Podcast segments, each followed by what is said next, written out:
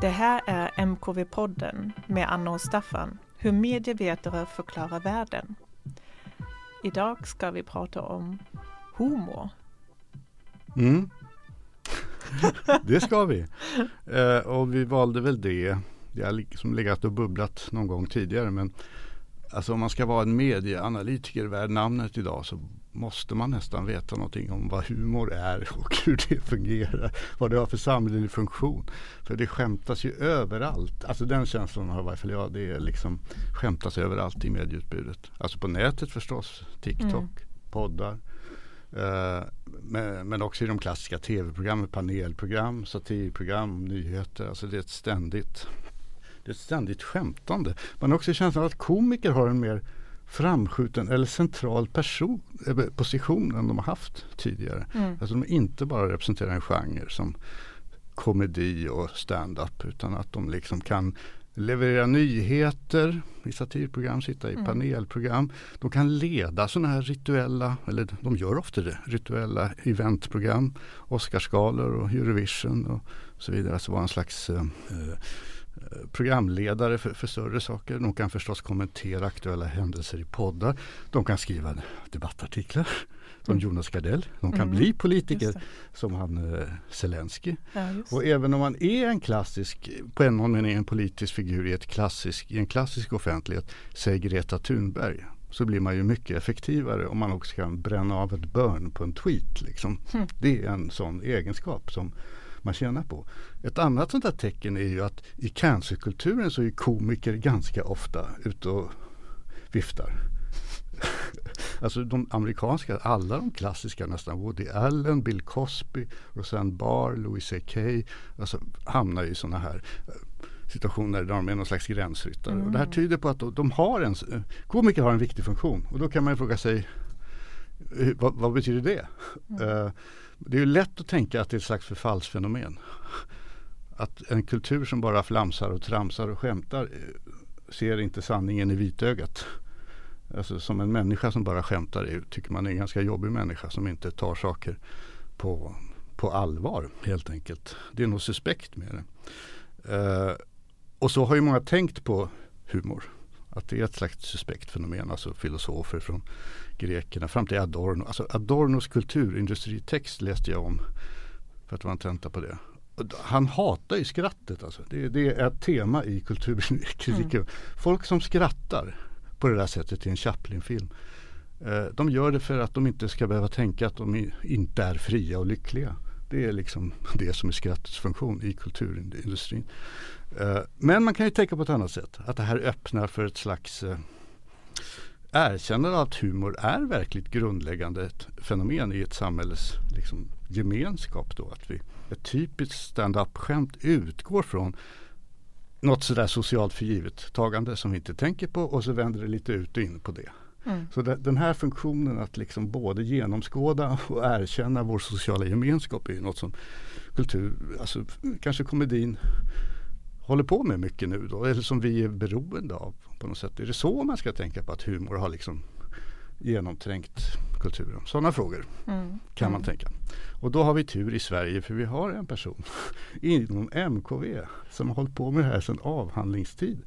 Mm. Och som nyligen skrev, gav ut en bok va, som heter Det politiska skrattet. Och det är Joanna Dona från Lunds universitet. Hej! Hej hej! Hej hej och ja. välkommen! Vad kul att du är med. Ja. Och apropå din avhandling, den är väl också prisbelönt, eller hur? Ja, det är den. Absolut. Ja. Svenska eh, FSMK, vad är det? Föreningen för svensk medie och kommunikationsvetenskaplig forskning. Om mm. jag sa det rätt nu. Eh, absolut fick jag avhandlingspris för eh, 2017 så det är ju ett tag sedan nu. Men, eh, mm. Mm. Det, det, är lite ja, Ja. Vi, vi, är ingen elitpodd men vi har haft flera sådana prisbelönta. Flera pristagare. ja, precis. Men vad kul att du är med. Kan du inte berätta någonting mer om dig än att, du, att din avhandling har vunnit ett pris? Innan vi går och pratar om din, ja. din bok eller en reflektion kring vad Staffan har sagt här Och hur du kom in på det här med humor ja. och skratt. Mm. Och, och, så. Alltså jag tyckte Staffan eh, sammanfattade liksom läget ganska bra måste jag säga, börja med att säga. Men mm. um, hur jag kom in, ja men jag är intresserad av publikstudier och eh, att, att förstå liksom, mediefenomen, särskilt de som blir mer eller mindre populära. Eh, utifrån liksom publiken eh, först och främst och eh, det stoppar ju inte andra perspektiv förstås. Men jag insåg ganska snabbt när jag var masterstudent och började fundera på att bli eh, forskarstuderande att ja, men humor och underhållning i allmänhet är dels är det inte så väl ansett som Staffan var inne på, mm. särskilt kanske inte inom politisk kommunikationsforskning och medborgarforskning och sådär. Men sen också att det är väldigt sällan som man studerar humorpubliken kan man säga, mm. eller i mm. mitt fall då politisk humorpublik eller satirpublik.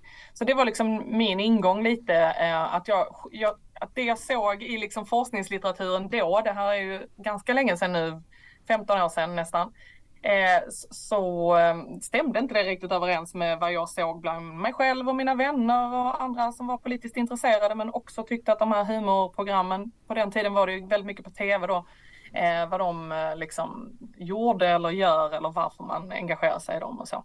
Mm. Mm, och, och, vad sa ni mer?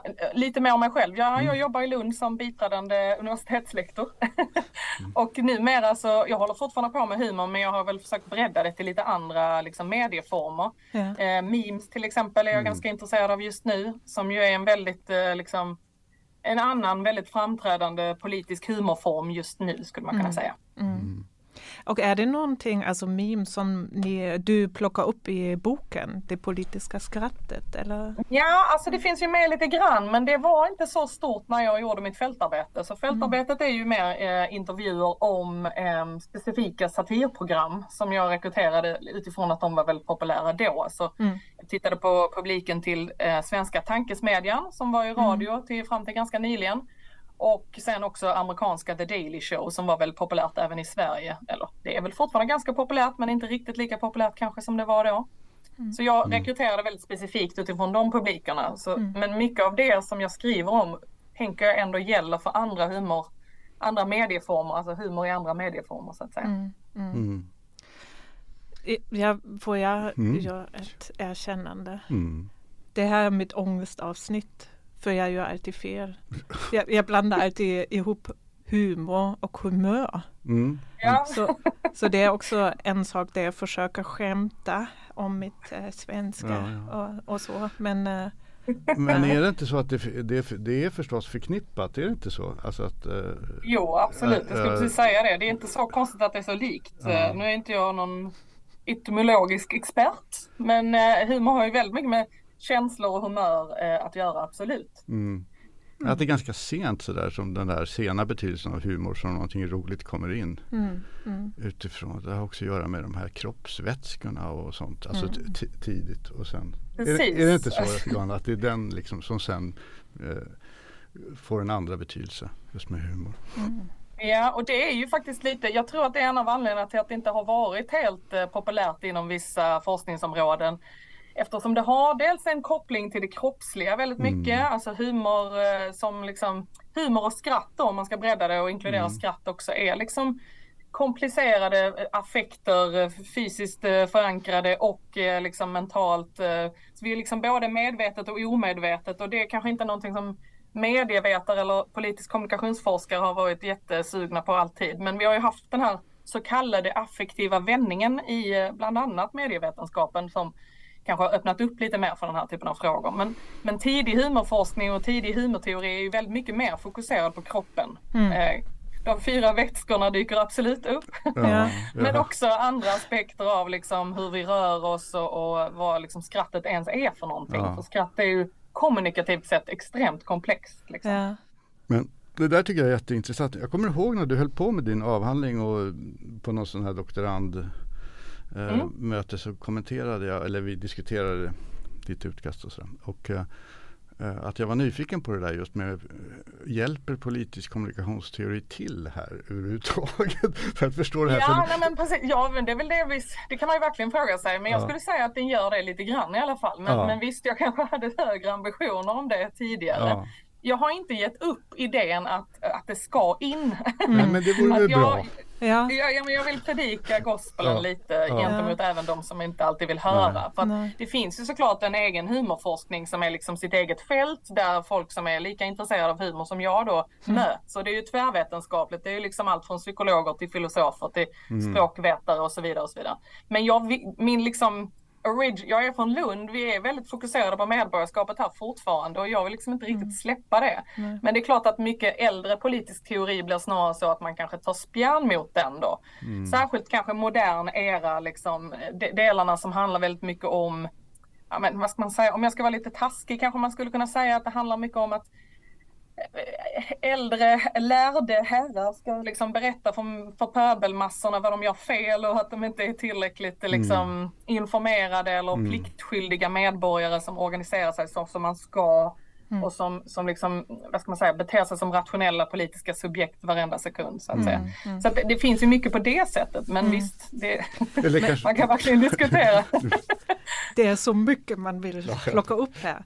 För jag tänkte mest på, alltså oavsett om det studeras mycket eller inte finns ett humorfält inom mm. eh, MKV eller statsvetenskap och så vidare. Men jag tänker mest eh, det säger så mycket om makt. Alltså man mm. kan ju studera makt så otroligt mycket genom att titta på vad, vad får man skratta åt?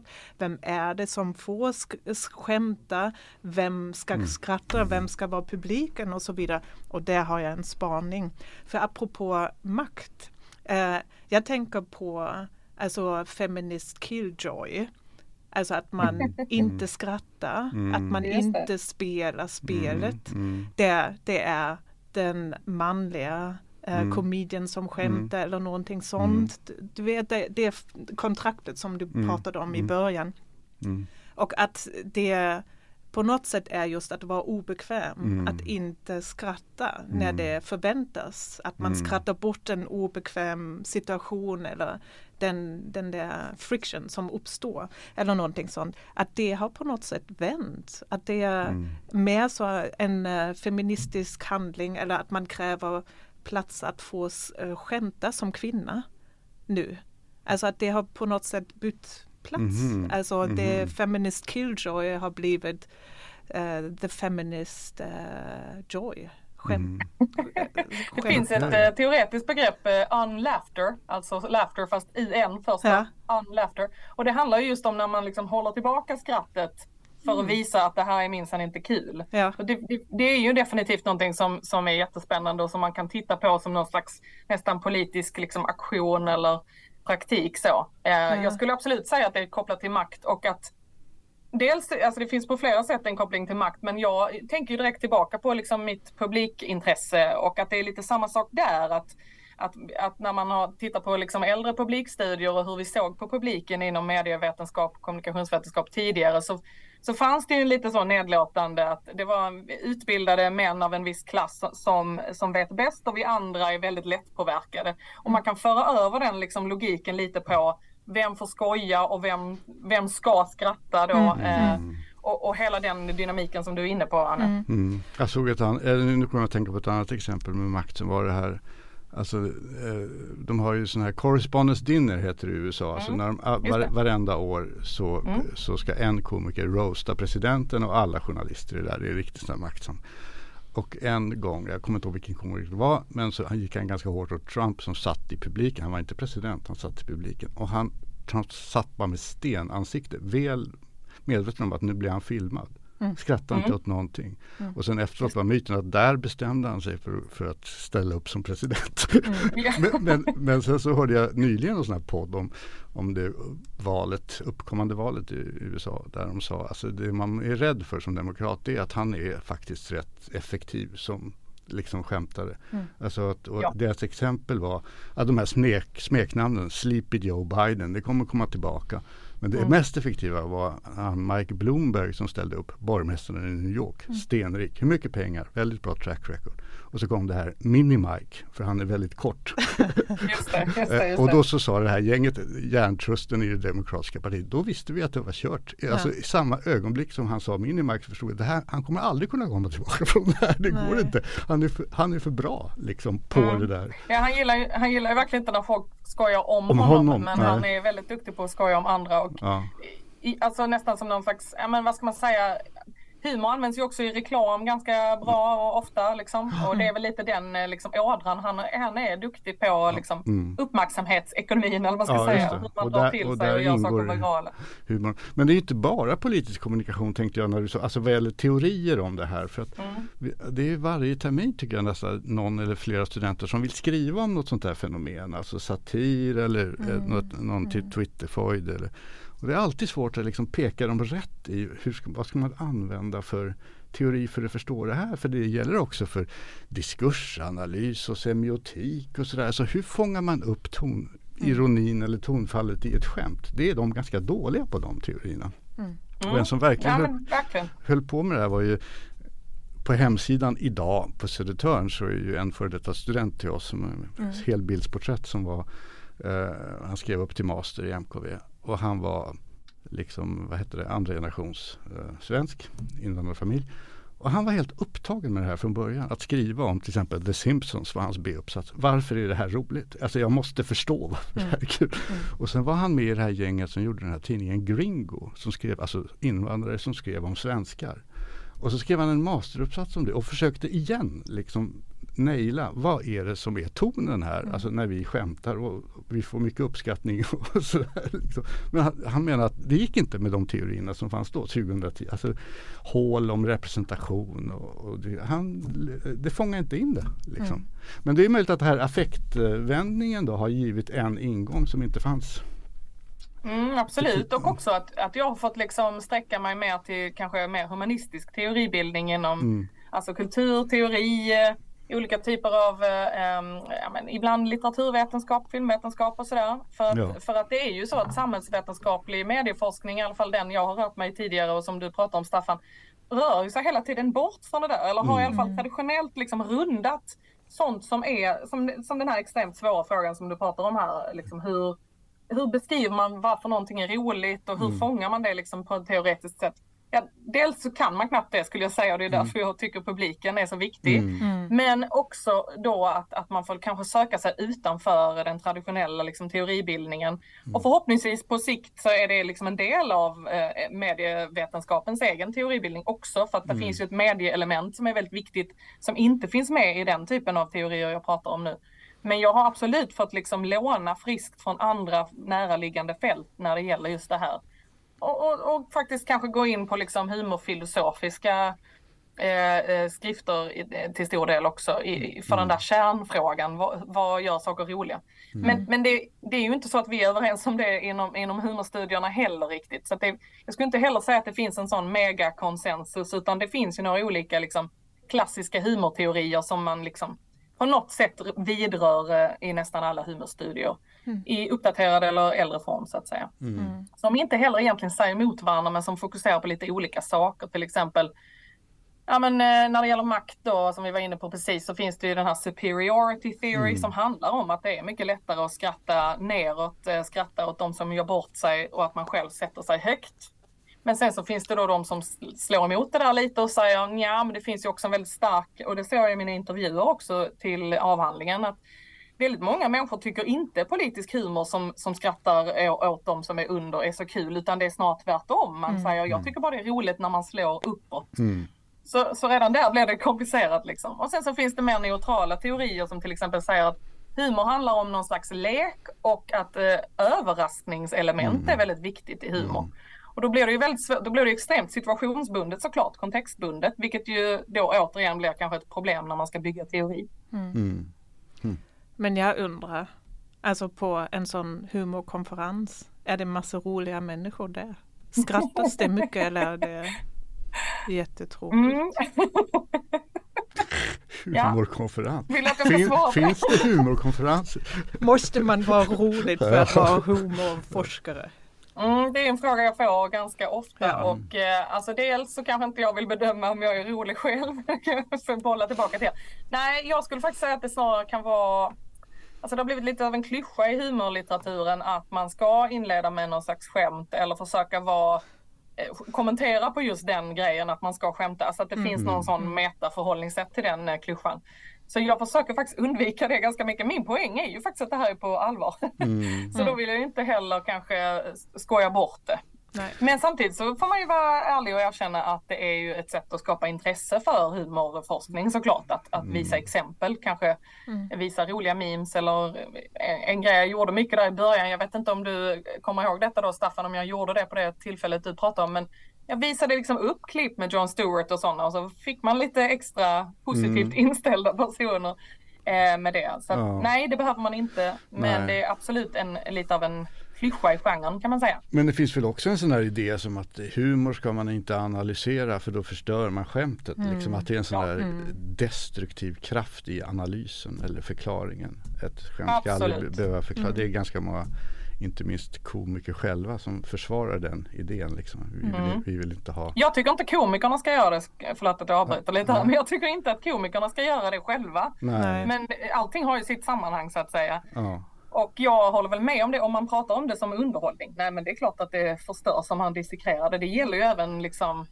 ja, men, eh, sitcoms eller vad som helst. Allt möjligt som våra studenter skriver uppsatser ja. om. Även icke humoristiska grejer kan man ju förstöra lite genom att sönderdela det och analysera det i detalj. Liksom. Ja. Eller men, fotbollsspelare som ska prata om fotboll. Ja, det, det bör det, förbjudas det, också.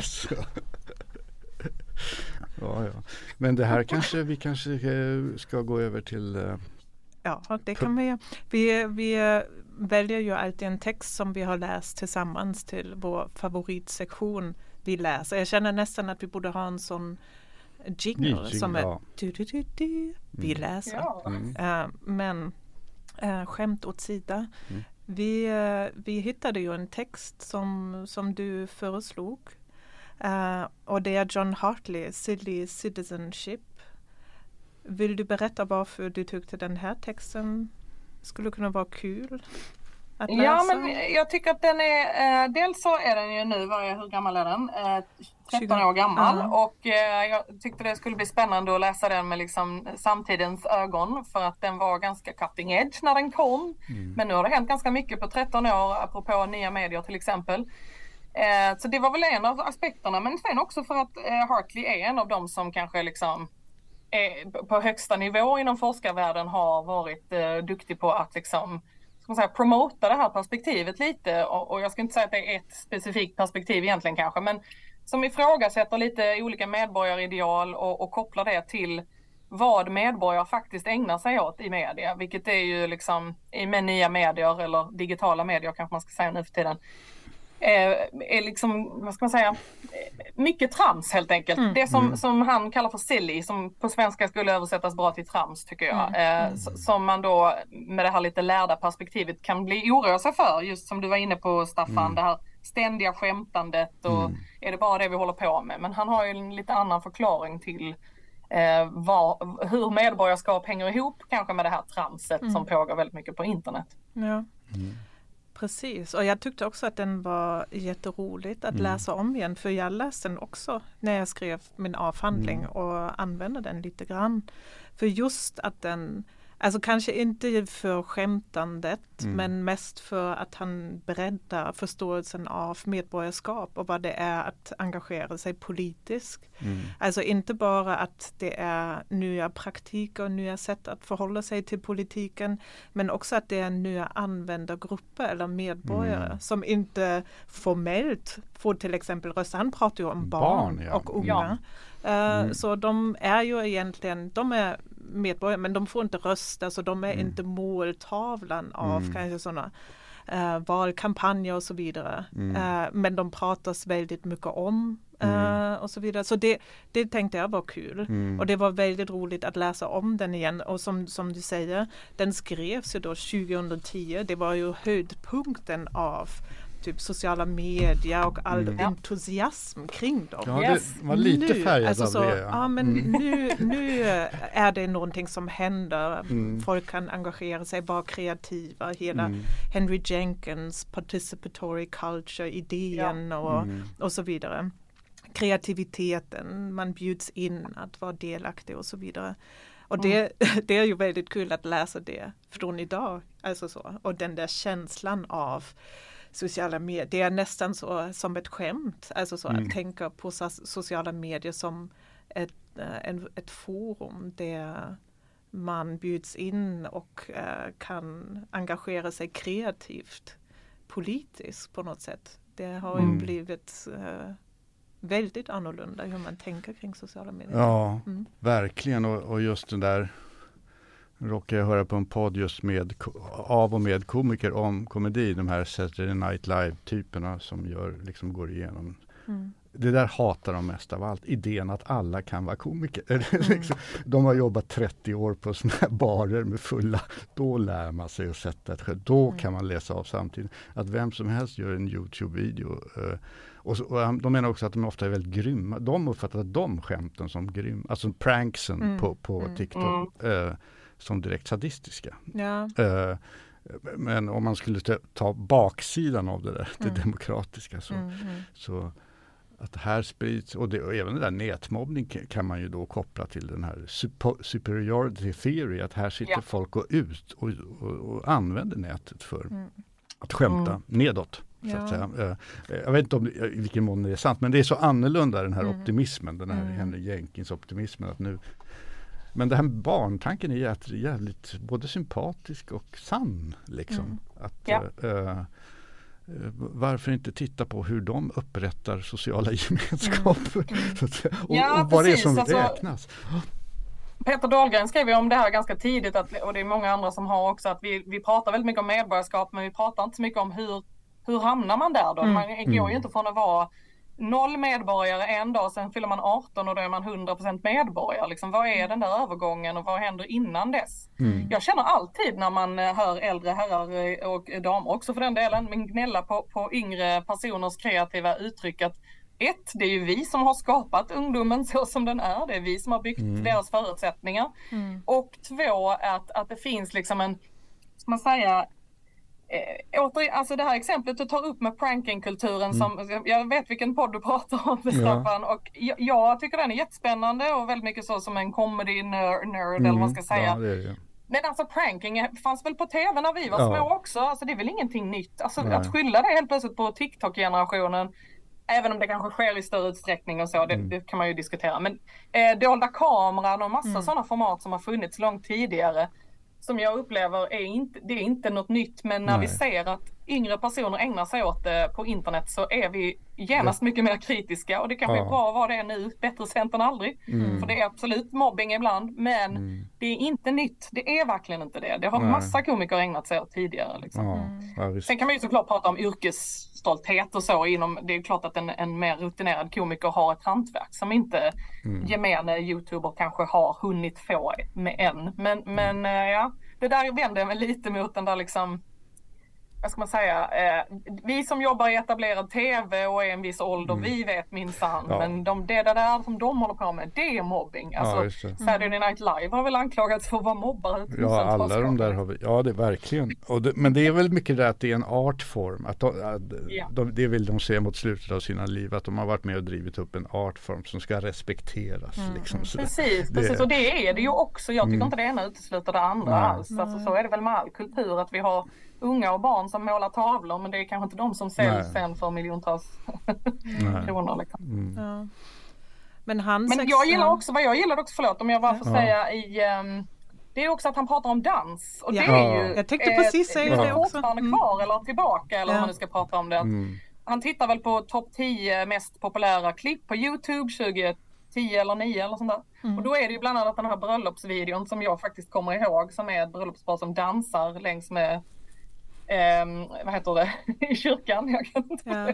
mm. eh, och liksom eh, gör detta till en eh, då populär poplåt. Eh, och det, jag tänkte direkt på liksom TikTok-dans. För honom är det ett YouTube-fenomen men för oss nu är det väl ett TikTok-fenomen. Liksom. Mm. Mm. Mm. Nej men det är sant. Mm. Jag mm. tänkte precis också plocka upp det att han skriver om sådana dance-offs och mm. mashups och, och så vidare. Så det, det var kul. Och apropå det med måste vara, vara roligt för att kunna skriva om roliga saker. Han mm. har ju lite sådana guldkorn i mm. texten mm. också. Mm. Får jag bara läsa mm. mm. ett. Citizenship could become, like many professors of communication, a discursive frequent flyer It commutes around different disciplinary domains with occasional stopovers in ordinary language. Det tyckte mm, jag var kul. Mm, mm. Ja, det är ganska träffsäkert. Ja. Ja. Och, alltså mitt i prick och lite kul och mm, roligt och mm. ironisk mot professorer som ja. ska flyga runt. Ja. Mm. Ja, Nej, men det, Ja och ironin har ju ändå en förmåga, om man kan träffa rätt liksom och vet ungefär vad publiken mm. Eh, kan uppfatta, vilket han ju gör i en, eh, liksom critical discourse studies, så kan man tänka sig en ganska homogen publik som mm. är påläst. Ja. Det blir liksom, eh, då blir det faktiskt ganska analytiskt skarpt. Det blir mm. lite som poesi mm. också, att, ja. att man inte kan komma åt vissa grejer utan att, att använda sig av ironi eller mm. poetiska sätt att skriva, mm. Mycket metaforik och sådär. Mm. Så, så ska man vara lite allvarlig kring liksom humorns en av humorns liksom affordances eller vad man ska kalla det för är ju just det där som du nu illustrerade med den formuleringen. Att han, mm att han, han illustrerar detta liksom själv ja. i artikeln. Ja. Mm. Men det känner jag ibland med mina studenter, eller våra studenter, att jag misslyckas fundamentalt. Mm. Där jag tänker, det här var ett jättebra skämt mm. baserat på litteraturen. Mm. Och salen mm. är tyst. Mm. Alla bara tittar. De har mm. lyssnat. De kanske är ovana, de inte väntar sig att... ja, Eller så var det bara ett jättedåligt skämt. Ja, det är svårt. Men äh, apropå det där akademikers skämtande så slår mm. det mig nu att för eh, ganska många år sedan så fanns det ju en engelsk litteraturvetare, Terry Eagleton, mm. som kunde skriva sådana här parodier på andra forskares texter. Så här, här Oj, kommer en Fredrik mm. Jameson-text och det var så jädra mm. mitt i prick, alltså som en vanlig imitatör. Så där. Mm. Jag kan skriva den här texten, jag kan skriva den här texten.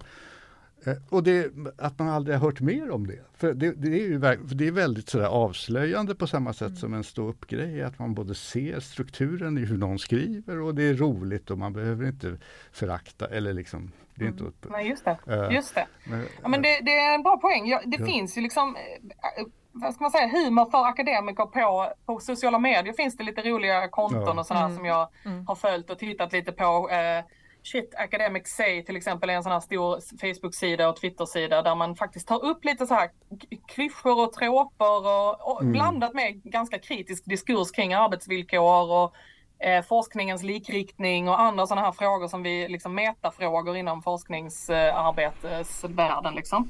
Men jag, men jag tänker att det Anne, vi var ju på en konferens för är det kanske ett och ett halvt år sedan i Danmark, minns du detta, i Roskilde och en sak som de hade gjort då mm det var att de tog eh, alla våra abstract. Vi hade skrivit abstract allihopa för att komma med på den här konferensen. Du vet, ni vet, sån halvsida eller vad det blir, 400 mm. ord. Och så hade de haft en poet att klippa ut alla de här orden och göra poesi av mm. orden. Och det fick ju en att se dels ganska mycket den klyschiga vokabulären och hur vi alla använder ungefär samma liksom klyschiga uttryck hela tiden. Men också eh, en annan liksom lekfull take lite på ett utanför perspektiv på liksom Mm. State of the art-forskningen så som den var för mm. ett och ett halvt år. Det var ju, konferensen handlade väl om public. Ja, precis. Media and the public mm. eller någonting Just det, precis ah. i Roskilde. Mm. Så att, och, och, så fick vi, hon fick liksom dem, den här poeten fick dem i början av konferensen eller när vi hade skickat in dem och sen så var det en presentation för oss på slutet av konferensen när, det stängde, när den stängdes liksom. Mm. Där vi fick se alla våra liksom sådana här, ja men till exempel då väldigt klyschiga uttryck, eh, vilka mm. ord som dyker upp om igen trenduttryck som kanske är lite tomma ibland och sådär. Mm. Mm. Det förekommer ju men man skulle mm. nog absolut kunna ja. ha mer av det. Mm. Ja, men det, det var kul. Men jag mm. måste ändå säga de, mest, alltså de flesta akademiska skämt är ju mm. dåliga. Mm. Ja, nej, det är inte alltså när man tänker på konferens och nu ska nej. man öppna den då gör man något skämt om vädret eller ja, nej, det är ju exakt så. Och, men poängen med både det här Roskilde-grejen och de här per, skrivna parodierna det är ju lite den här förfrämligande ja. effekten, den här överraskningseffekten. Ja. Nu ser jag vad vi brukar hålla på med ja. fast i ett litet annat ljus. Och det är, ro- det, ja, det är mm. både nyttigt och avslöjande mm. och roligt. Liksom. Uh, uh, ja. Men uh, ja, ska vi nöja oss där? Här ska man kunna prata man, länge Ja precis, om. men man ska ju sluta ska när det är som roligast. Just eh, och som trogen lyssnare vet du ju hur vi slutar alltid. Så vilken låt ska vi spela för dig, Johanna? Oh, just det, vad var det nu jag skrev ner här? Um, Shiny Happy People med R.E.M. Bra. Ja, störigt alltså. Ja. Toppen. Toppen. Vi, vi spelar den. Och sedan tänkte jag bara nämna för alla våra trogna lyssnare att det finns nu en spellista med all musik från alla avsnitt uh, som vi har har spelat i outron. Så eh, den finns länkad på våra olika sociala mediekonton. Gå in och lyssna när ni saknar oss som mest emellan avsnitten. Tack så mycket att du var med. Tack så mycket. Tack för att jag fick vara med.